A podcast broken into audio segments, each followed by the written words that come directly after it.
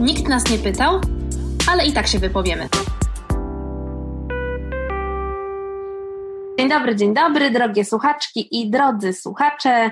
Witam Was bardzo serdecznie w kolejnym odcinku. Nikt nas nie pytał, ale i tak się wypowiemy. No i dzisiaj odcinek specjalny, ponieważ jak zawsze jest to wspaniały gość, ale też po raz pierwszy nagrywamy online tę rozmowę, więc jest to dla nas wyzwanie, wyznanie też mam nadzieję będzie, więc jakoś nie będzie taka wspaniała jak zawsze, chociaż mam nadzieję, że Linda chrapnie, pralkę usłyszycie, więc pewne rzeczy zostaną zachowane. I dzisiaj w związku z tym, że sytuacja w Polsce jest dosyć dynamiczna. Był to dla nas wszystkich e, bardzo trudny czas w ostatnim okresie i myślę, że wciąż będzie dla nas on przypełniony różnymi wyzwaniami i o tym wszystkim nie mogłabym nie porozmawiać z moim ulubionym partnerem do filozoficznych rozkmin, jakim jest właśnie Piotr Buźko. I czy Piotrze, jesteś tam po drugiej stronie? Dzień dobry, dzień dobry. Słyszycie doskonale. Jestem z wami. Cześć. Dziękuję za zaproszenie.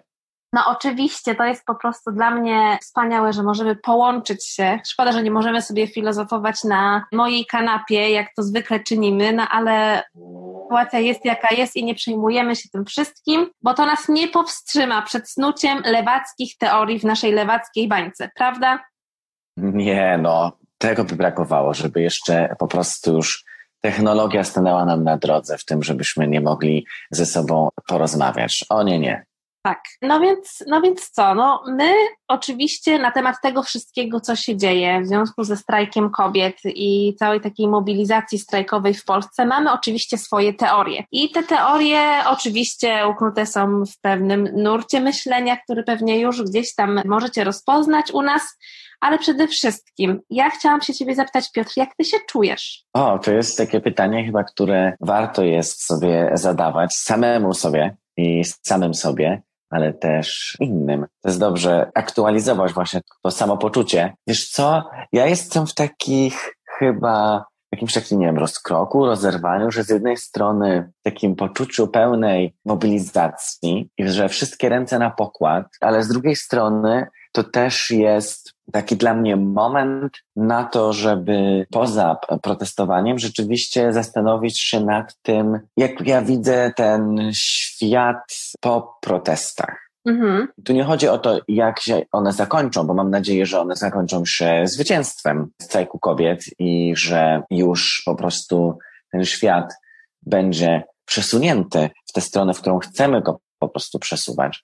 Ale no myślę, że dla mnie to jest też istotne, żeby znowu przy czymś, co jest tak bardzo aktywne, mhm. co tak bardzo wymaga zaangażowania, zastanowić się nad sobą, jaka może być moja rola jako sojusznika, jako osoby sojuszniczej i jak ja siebie widzę w kontekście tych wydarzeń. Tak, to jest bardzo ważne, żeby trochę zastanawiać się, z jakiego miejsca my osobiście, każdy i każda z nas przemawia, w jakim miejscu stoi, z jakim przywilejem podchodzi do tego stołu, w którym rozmawiamy wspólnie i zastanowić się, czy ten nowy, lepszy świat, który próbujemy sobie teraz właśnie opowiedzieć trochę i gdzieś, gdzie ten taki cały zgrzyt y, a propos tego, że to w jaki sposób funkcjonowaliśmy i funkcjonujemy teraz nie do końca nam wszystkim odpowiada, bo to nie jest tylko tak, że to nie jest świat przyjazny kobietom, ale to chyba w ogóle nie jest świat przyjazny już komukolwiek, bo no może ludziom bogatym, którzy nie płacą podatków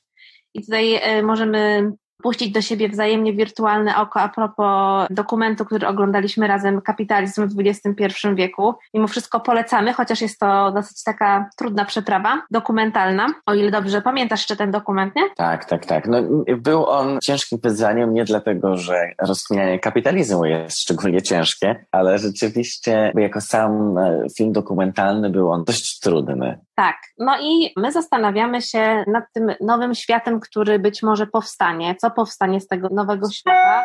I postanowiliśmy ten nowy, ten odcinek i to wszystko, o czym dzisiaj będziemy rozmawiać, nazwać tak bardzo skrótowo, że tak, my wciąż wierzymy w lepszy i nowy świat. No i ja tak sobie myślę w tym takim przeplataniu się różnych nastrojów, od takiego zrezygnowania po jakąś taką wielką euforię związaną z takim poczuciem wspólnoty, którego też bardzo mi brakowało, ponieważ przede wszystkim ten kontakt w tym pandemicznym czasie z ludźmi jest ograniczony i nie możemy wspólnie przeżywać różnych emocji związanych z na przykład uczestniczeniem w koncertach, czy zbiorowo w jakichś wydarzeniach kulturalnych, więc wydaje mi się, że też ta potrzeba bycia razem i jedności też jakoś dała upust w takiej formie protestowej. Była też takim wyrazem trochę tęsknoty, tak ja sobie o tym myślałam. No ale te protesty kiedyś się skończą, to wszystko coś z tego wyniknie. No i ja zastanawiam się, jaki będzie ten nowy świat i czy my masz takie poczucie, bo ja od razu powiem, że mam, że jesteśmy świadkiniami i świadkami takiej rewolucji, która dzieje się z nami i na naszych oczach. Czy ty też tak myślisz? Myślę, że tak, no bo widać, że ten zryw, ale może, no mam nadzieję, że to nie jest tak, że ten zryw jest widoczny tylko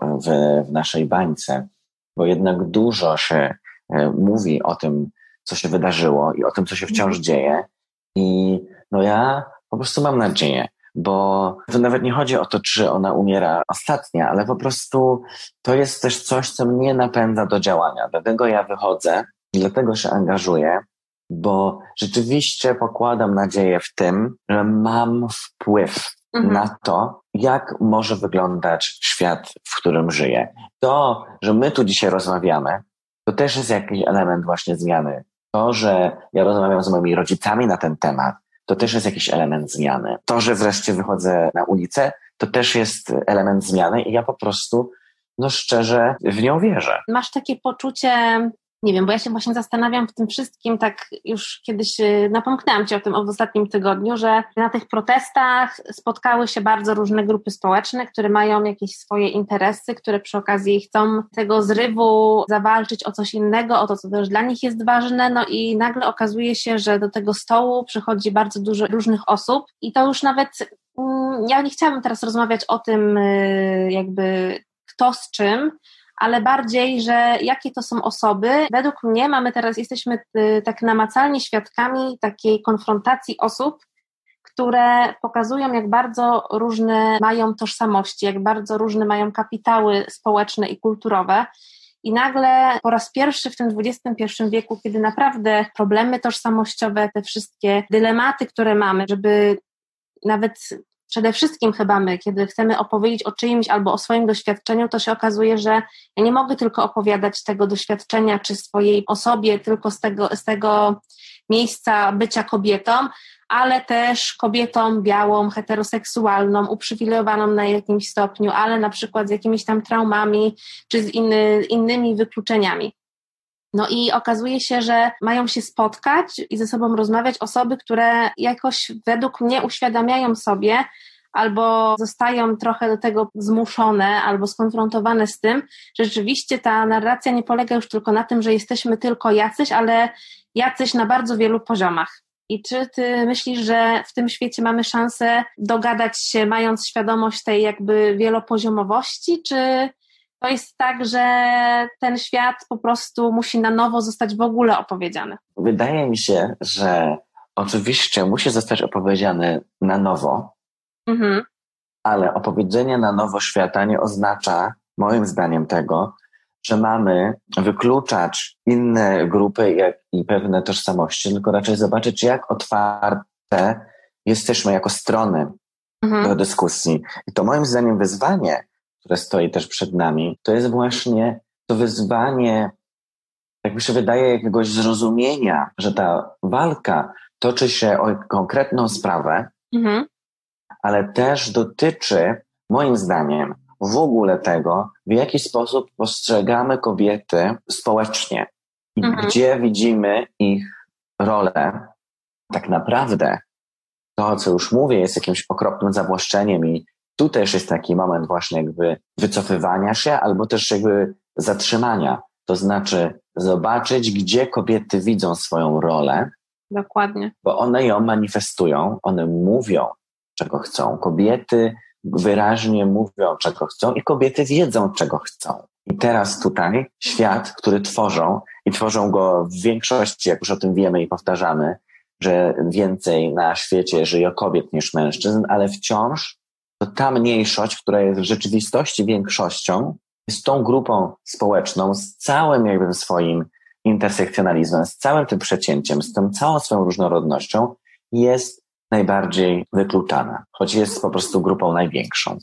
I I myślę, że tutaj jest praca ogromna do tego, żeby rozumieć i usłyszeć i wreszcie jakby przepracować dobrze ten temat kobiecości. No i tu wprost trzeba chyba też to nazwać, jest to element walki z patriarchatem, z tym, co patriarchat robi ze społeczeństwami, społeczeństwami, które doświadczając XX wieku, doświadczając XXI wieku, jakby chcą się zmieniać i mhm. zaczynają widzieć coraz więcej e, uczestników, a przede wszystkim uczestniczek życia społecznego. Widzą, na jakiej dysproporcji zbudowany jest ten świat. I to nie jest tak, że my go widzimy, bo my przeczytaliśmy książki akademickie i mamy jakąś wiedzę na ten temat. To doświadczenie nierówności wydaje mi się, że jest jakby przede wszystkim doświadczalne i osoby, które e, tej nierówności doświadczają, będą o tej nierówności mówić i będą mówić o niej swoim językiem. Nie będą musiały i nie będą używały takiego języka jak my do opowiedzenia swojego doświadczenia. Ale to nie znaczy, że tam nie ma tego bagażu właśnie, który jest nie tylko informacją, ale jakimś takim warunkiem do tego, żeby coś przewartościować. Bo jeżeli dla mnie taką rzeczą, która jest budująca z jednej strony, ale z drugiej strony też bardzo taka jakby z takiego poziomu odpowiedzialności, to, mhm. jest, to, to jest to nagranie dziewczynek ze Szczecinka tak. które krzyczą i, i rozprawiają się z księdzem. I z jednej strony to jest takie wzmacniające, że widzę, że one mają siłę, ale tak naprawdę widzę też w tym, jak po prostu odbija się jakby całe doświadczenie tego świata, w którym one żyją. Bo jeżeli dziewczynka, która wydaje mi się, że jest w wieku takim gimnazjalnym, czy ostatnia klasa szkoły podstawowej, czy, czy już początek liceum, jeżeli ona wykrzykuje o gwałcie, to znaczy, że to jest jakieś doświadczenie, które jest dookoła. I w takim razie musimy się zastanowić, jak budujemy ten świat, w którym wzrastają młode kobiety. No, to jest bardzo duże pytanie i wydaje mi się, że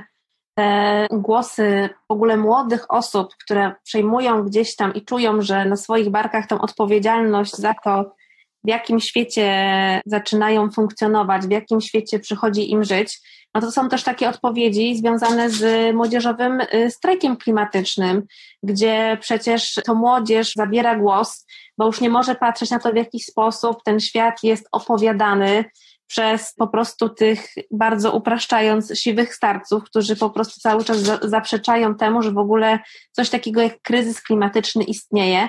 No i oni okazuje się, że zamiast czerpać z tego doświadczenia dorastania, rozwijania się, no to jakby mają bardzo dużą taką lekcję z postawy obywatelskiej, z takiej też postawy tego, że przyjmują odpowiedzialność, czyli to, co kojarzy się już z takim wejściem w dorosłość, więc wydaje się, że to jest taki trochę przyspieszony kurs bycia bardzo odpowiedzialnym, ale już nawet nie za siebie, ale też w jakimś takim bardziej uniwersalnym i większym znaczeniu za to, w jakim ja w ogóle będę świecie żyć, bo no, to jest też, wydaje mi się, coś takiego, że jakby jeżeli my się za to nie zabierzemy, no to kto wie, czy w ogóle będziemy chcieli żyć w tym świecie. No i ci młodzi i bardzo odważni ludzie mają odwagę, ale i też bardzo się cieszę impet, żeby powiedzieć, że nie zgadzamy się na to, w jaki sposób przygotowujecie świat dla nas, ludzi, którzy będą w nim potem żyli, bo my już w ogóle nie myślimy w taki sposób, nie chcemy tak o tym myśleć i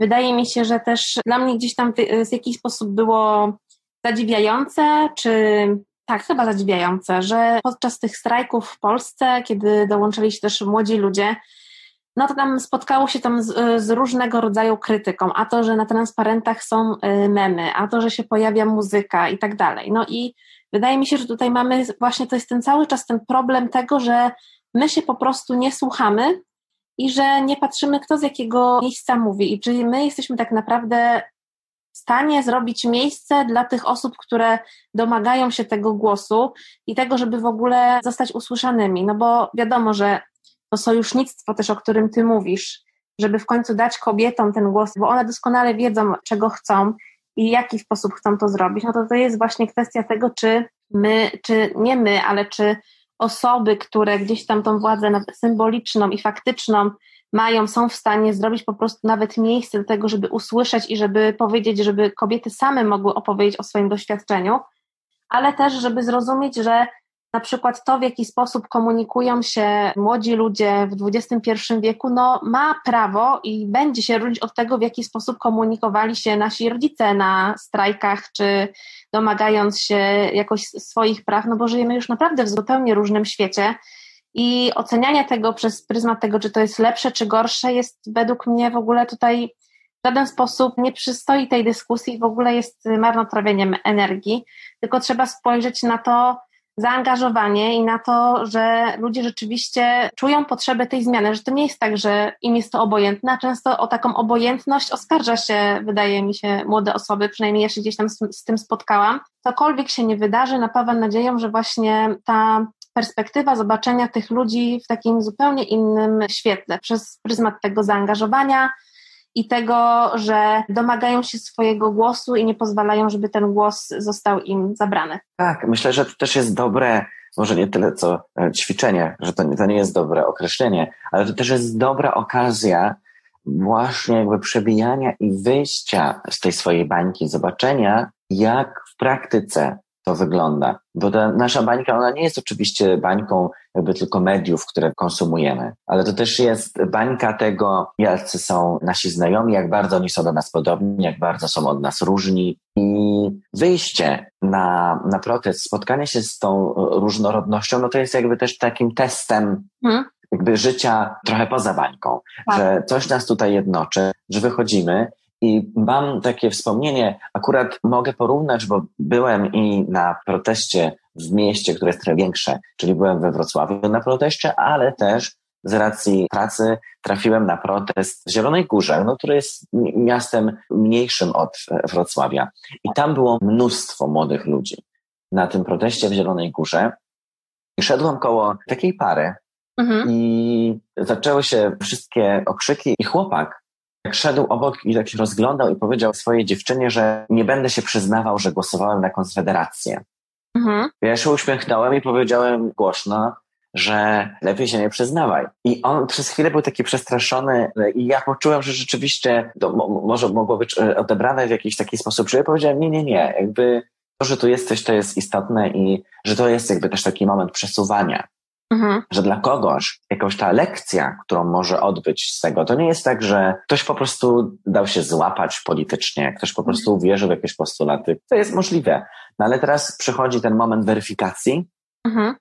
i ten ktoś może po prostu na takim proteście zweryfikować swoje podejście, zobaczyć, jak wygląda ten świat poza swoją bańką. I to było bardzo ciekawe, że mogłem coś takiego zobaczyć. Dla mnie jest też tutaj, wcześniej sobie na ten temat żartowaliśmy, że e, dla mnie to też jest osobliwe, że to też już jest taki moment, w którym zaczynasz mówić o kimś, kim już jesteś i zauważasz po prostu młodych ludzi. Zaczynasz o nich mówić, młodzi ludzie. Dokładnie. My I... jesteśmy jeszcze młodzi, przepraszam bardzo. My, no my też jesteśmy jeszcze młodzi, ale... Ale już nie jesteśmy tymi młodymi ludźmi na strajkach. Dokładnie. I to też jest coś takiego, że dla mnie to z jednej strony rzeczywiście jest jakiś uśmiech i tu nie ma co ustawiać, chociaż nazywam się waszą starą, znaczy twoją starą. To jednak jakiś taki wigor i młodość gdzieś y, mi y, towarzyszy, ale mi tu tutaj bardziej chodzi o to, że rozpoznaję jakąś grupę społeczną, do której ja nie należę, ale to, że do niej nie należę, nie oznacza tego, że jakby, że usuwa mi jakby wartość. Mhm bo moim zdaniem to jest bardzo istotne. Właśnie ten młodzieżowy strajk klimatyczny, o którym wspomniałaś. Zobaczyć, jak młode osoby angażują się w ruchy społeczne. Że to jest coś takiego, bardzo ładnie też powiedziałeś o tej obywatelskości. Ja mam takie wspomnienie ze swoich lat szkolnych, że tej obywatelskości się jakby nie uczono. Nas jej po prostu nie uczono, że była wiedza o społeczeństwie jako przedmiot i każdy prowadzący, każda prowadząca, nauczyciel, nauczycielka robił ją po swojemu. Mhm. Oczywiście w ramach programu, ale Szczerze? Ja dopiero teraz, kiedy przyszła bardzo jakby zła polityka, złowroga polityka, która rozmontowuje demokratyczność i obywatelskość, zacząłem się zastanawiać nad tym, czym jest Trybunał Konstytucyjny, czym no. jest i jak rzeczywiście działa trójpodział władzy. Nie w teorii jakby wykutej regułki. Tak. To jest też właśnie bardzo po prostu smutne, że a może nie, a może właśnie jest to budujące, że młodzi ludzie teraz muszą jakby w praktyce poznać, na czym polega jakby istotność tej demokracji liberalnej, którą przyjęliśmy na początku lat 90. i którą chcemy budować, i że tak naprawdę chyba teraz płacimy cenę albo odrabiamy lekcje tych wszystkich nieodrobionych lekcji. I mam mhm. wrażenie, że to nie jest właśnie tak, że to my nie, że nie odrobiliśmy tej lekcji tylko my. Okazuje się, że też tej lekcji moim zdaniem nie odrobiły te starsze pokolenia, mhm. którym też nikt nigdy nie opowiedział, dlaczego ważna jest demokratyczność. Mhm. Że to było w odbijanie się od jakiegoś systemu, który upadł, ale ta lekcja obywatelskości nie dotyczy tylko młodego pokolenia. Ona też dotyczy tego pokolenia, które jakby przeszło przez poprzedni system i zaczyna życie w nowym systemie. I znowu te osoby zostały pozostawione same sobie i one sobie same musiały weryfikować ten świat. Potem przyszedł internet i weryfikowanie świata, weryfikowanie świata po 2009, kiedy Facebook stał się coraz bardziej popularny, jest coraz trudniejsze.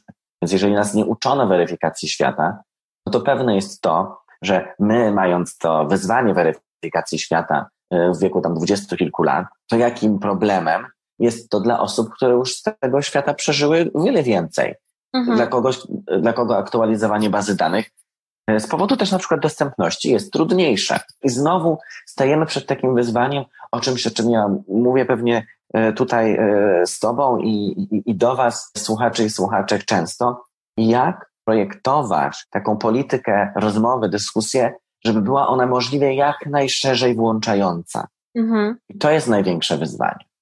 To jest zdecydowanie wyzwanie. I ja sobie też tak teraz pomyślałam o tym, że o tym, co teraz powiedziałeś, bo to jest szalenie ważne według mnie, o tym, że właśnie to weryfikowanie w czasach, w których żyjemy i tego, w jaki sposób musimy nie tylko procesować ilość informacji, którą dostajemy dziennie. Ja po prostu miałam przez ten tydzień już takie poczucie przeładowania i takiego obciążenia, że po prostu miałam już takie wrażenie, że ja nie mogę przyjąć już żadnej informacji, że nie tylko nie mogę już czytać wiadomości, ale teraz ja już po prostu nie mogę słuchać nikogo, czytać nic, nic oglądać, bo po prostu jeszcze jedna informacja do mojego mózgu to już po prostu będzie za dużo. I potem też sobie myślałam, że pojawiało się bardzo dużo jakichś tam nagrań, newsów, tutaj jakaś relacja ze strajku od kogoś, tutaj repostowanie tego i tego. I nagle się okazuje, że dobra, to był jednak fake news, tutaj jednak ktoś zawłaszczył te relacje i jak spojrzysz na to z innej strony, to, to jednak to w ogóle wydarzyło się coś zupełnie innego. I to jest nie tylko tak, że my musimy, czy jesteśmy poddawani temu ciągłemu po prostu dostępowi do informacji, temu, że one do nas po prostu przychodzą, czy chcemy, czy nie, bo włączysz jakiekolwiek medium społecznościowe, z którego korzystasz, no i tam masz po prostu na przykład tylko fit mówiący o tym, co się dzieje, więc oczywiście pochłania cię na to kolejną godzinę, bo oczywiście idziesz od jednego newsu do drugiego, od jednego hashtaga do drugiego i tak dalej. I nagle okazuje się, że tego jest tak dużo i to wszystko musisz nie tylko przyjmować, ale weryfikować i mieć ciągłą taką uważność, a ta uważność jest też strasznie pochłaniająca. I dlatego ja uważam, że naprawdę jakby nawet ze względu na to, to ta weryfikacja powinna nam gdzieś tam uświadamiać i ja mam takie marzenie, żeby gdzieś uświadamiała, że po prostu tych sposobów opowiadania świata jest bardzo dużo i to wszystko zależy od tego, z jakiego miejsca o tym mówimy i że właśnie ta rozmowa, to, żeby opowiedzieć ten świat z możliwie jak największą ilością innych doświadczeń, które jakby domagają się tego usłyszenia i tego, żeby w końcu być brany pod uwagę, bycia branym poważnie, bo to też jest taka kwestia, że wiesz, młodzi ludzie, to wiadomo, są młodzi, więc co oni mogą wiedzieć o życiu, więc ten y, ich głos i ten ich sprzeciw też jest tak brany pod uwagę z takim przymrużeniem oka, co też mnie strasznie denerwuje, bo jednak to jest takie no strasznie patrzenie nie tylko z góry, ale też takie po prostu trochę instrumentalne traktowanie i na bardzo wielu poziomach takie no wykluczające ponownie. I tak sobie myślę, że... Też pogardliwe. Tak, po prostu. I tak sobie też myślę o tym, co też, co powiedziałeś, że my wszyscy gdzieś tam spotykaliśmy się i spotykamy ciągle przed ekranami naszych smartfonów, naszych laptopów, wyrażając jakąś tam opinię, czytając i tak dalej, a na tych protestach rzeczywiście ludzie spotkali się i zobaczyli, że, to, że te osoby, które nawet myślą zupełnie inaczej niż my, że to są rzeczywiście ludzie, którzy tak samo też żyją jak my i że jakby jakkolwiek to może patetycznie brzmieć, ale oczywiście my się patosu nie boimy, no to my zupełnie nie. Kiedyś musimy się spotkać i po prostu zdać sobie sprawę, że jesteśmy tylko ludźmi, którzy gdzieś tam po prostu chcą dobrze żyć i chcą zawalczyć o swoje szczęście No ale wiadomo, że we większej perspektywie to jest też po prostu kwestia dogadania się, żeby ten świat, w tym świecie razem żyć i współistnieć. No i tu jest cały ten, cały ten klucz, co się z tym wszystkim stanie. No i oczywiście no. uważam, że dla naszego samopoczucia psychicznego i jakiegoś takiego po prostu mechanizmu przetrwania, uważam, że lepiej na to wszystko patrzeć z nadzieją w mroku i po prostu myśleć, że ta zmiana się dzieje, jest, uczestniczymy w niej i ona niestety nie będzie pewnie z dnia na dzień. I mam nadzieję, że my jeszcze dożyjemy tego innego świata, ale że ona się już dokonuje. Czy ty też tak ja też, poczucie? Tak, ja też mam poczucie i też e, wracam, jeżeli ktoś nie słuchał, to bardzo polecam odcinki tutaj tego podcastu z, z twoje odcinki i rozmowy z Martą Mazurek, bo tam pojawia się ta odpowiedź na ten nowy, wspaniały świat, jakim jest backlash. Ja myślę sobie, że to jest też takie trochę wymierne, że im większy backlash, znaczy, że nasz wpływ rzeczywiście jest duży. Mhm. To przesuwanie po prostu jest ważne. I nie lubię przeciągania liny, tak uważam, że tutaj jakby jest to gra o to, żeby rzeczywiście możliwie jak największą grupę zaprosić do tego, żeby otworzyła i zobaczyła jakby ten świat z, e, z innej strony, mhm. który po prostu jest moim zdaniem po prostu faktem. Jakby fakt o świecie jest taki, że świat jest różnorodny, że jest wielogłosem. Amen! I że finalnie jesteśmy jakby identyczni, bo pomimo tego, że będziemy, że mamy bardzo różne kody genetyczne, to jesteśmy identyczni bo cykl naszego życia y, może wypełniony jest innym doświadczeniem, ale składa się y, najprawdopodobniej z tego samego momentu narodzin i momentu śmierci, więc w tym jesteśmy do siebie wszyscy identyczni, a reszta to są tylko po prostu wariacje, jak to życie prowadzimy. I ono powinno być dla nas wartością i takim uznaniu i zgodzie na to, że każde, każda z nas ma prawo przejść przez to życie jako osoba wolna, możliwie decydująca o sobie.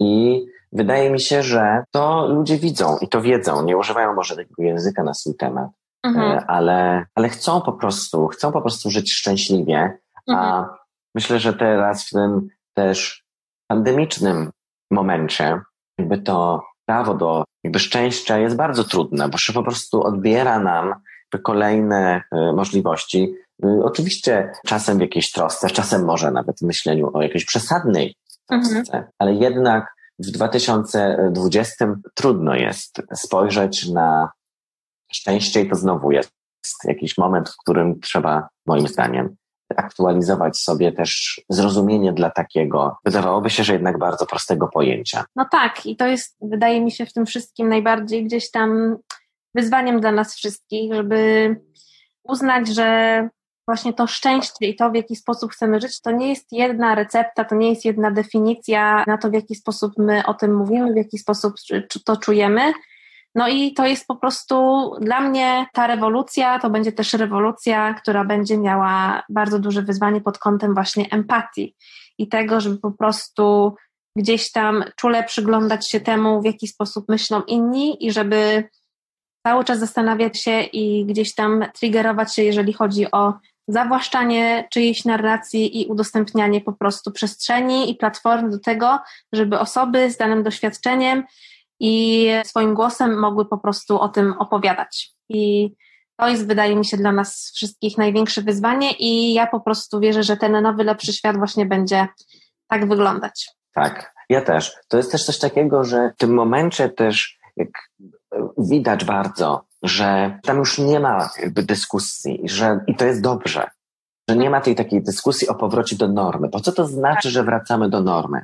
Wraca, normy, wracamy do tego, żeby normą jest przemoc wobec kobiet, że to jest dyskryminacja, że to jest znowu jakby niesłuchanie, że to jest kolejny raz jakby zawłaszczanie, kolejny raz jakby to narzucanie. Oto kobieta może wypełniać swoją wolność, bo wtedy, kiedy wypełnia jakby to męskie spojrzenie, mhm. i to jest wspaniałe, że właśnie poprzez takie protesty możemy właśnie jakby no, przesunąć i zastanowić się nad tym, gdzie my po prostu widzimy, każdy indywidualnie, gdzie widzi siebie w w stosunku do kobiet, bo to nie chodzi o to, że gdzie widzi miejsce kobiet, bo kobiety widzą swoje miejsce. Każda indywidualnie wie, gdzie chce być i najważniejsze jest to, żeby mogła tam być albo żeby miała możliwość dążenia do realizacji tego planu i szczęścia o sobie. Ale też o świecie, bo nie odpowiada tylko za siebie. Kobiety mają realny wpływ i muszą mieć realny wpływ na to, jak wygląda świat. Tak właśnie powinno być i to jest w ogóle już, wydaje mi się, ostatnie tąpnięcie patriarchatu i tego, że zmiana nadchodzi i może będziemy musieli wykazać się odrobiną cierpliwości, bo każdy proces się tym charakteryzuje, ale ja po prostu uważam, że, że to się już dzieje i my w tym uczestniczymy i nie możemy się poddawać i cały czas po prostu w tym wszystkim uczestniczyć, wspierać i nawzajem po prostu pokazywać sobie tą większą perspektywę, napełniać się nadzieją w tych gorszych momentach, bo te gorsze momenty zwątpienia też będą przychodzić i po prostu czasami trzeba sobie trochę na nie pozwolić, żeby potem jeszcze wrócić ze zdwojoną siłą. Ja tak właśnie taką wzmacniającą strategię uprawiam ze wszystkimi moimi przyjaciółkami, które są zaangażowane w protest i fizycznie, i symbolicznie, i duchowo, więc tego wszystkiego nam życzę. Ja też nam życzę i chcę powiedzieć coś, co wczoraj na proteście, zastanawiając się, co napisać chcę na swoim transparencie, postanowiłem, że, że, że, nie będzie heheszków i e, zostawiam siebie, ale też przede wszystkim Was z takim hasłem ode mnie, od koleżki, który mam nadzieję, że Wam towarzyszy, kimś, kto jest jakby rozumnym sojusznikiem. Nie jesteście same. To jest coś, co będę powtarzać. Nie jesteście same, słyszymy Was. I to jest bardzo ważne i ja zrobię wszystko, żeby przekazywać dalej Wasz głos, nie mój głos. Nie jesteście same. I tym pięknym akcentem kończymy dzisiejszą rozmowę. Mamy nadzieję, że trochę napełniliśmy Was wszystkich nadzieją i że się wszyscy nie poddamy i że to będzie jeszcze piękny świat, w którym będziemy razem wspólnie żyli. I oczywiście tym pięknym patosem bardzo Ci Piotrze dziękuję. I ja dziękuję. Cieszę się, że nas technologia nie zabiła nie zabiła. Ja w związku z tym chciałam jeszcze powiedzieć, że właśnie ta Twoja postawa sojusznicza jest godna naśladowania i tego wszystkim życzę, żebyśmy byli, byli na sobie nawzajem sojuszniczkami i sojusznikami, a polega to po prostu na tym, żeby pozwolić i zrobić miejsce na to, by inne głosy były słyszane. To jest takie proste, słuchajcie, naprawdę, więc weryfikujmy ciągle, z jakiego miejsca mówimy, o czym mówimy i wspierajmy się nawzajem. Amen? Amen. A woman. A Woman, dokładnie. Tak, więc to wszystko na dzisiaj i do usłyszenia. Dziękuję Ci, Piotrze. I ja dziękuję Tobie, Agnieszko. Do usłyszenia. Do usłyszenia. Nikt nas nie pytał, ale i tak się wypowiemy. Producentem podcastu jest Estrada Poznańska. Wszystkie odcinki znajdziesz na estrada.poznan.pl.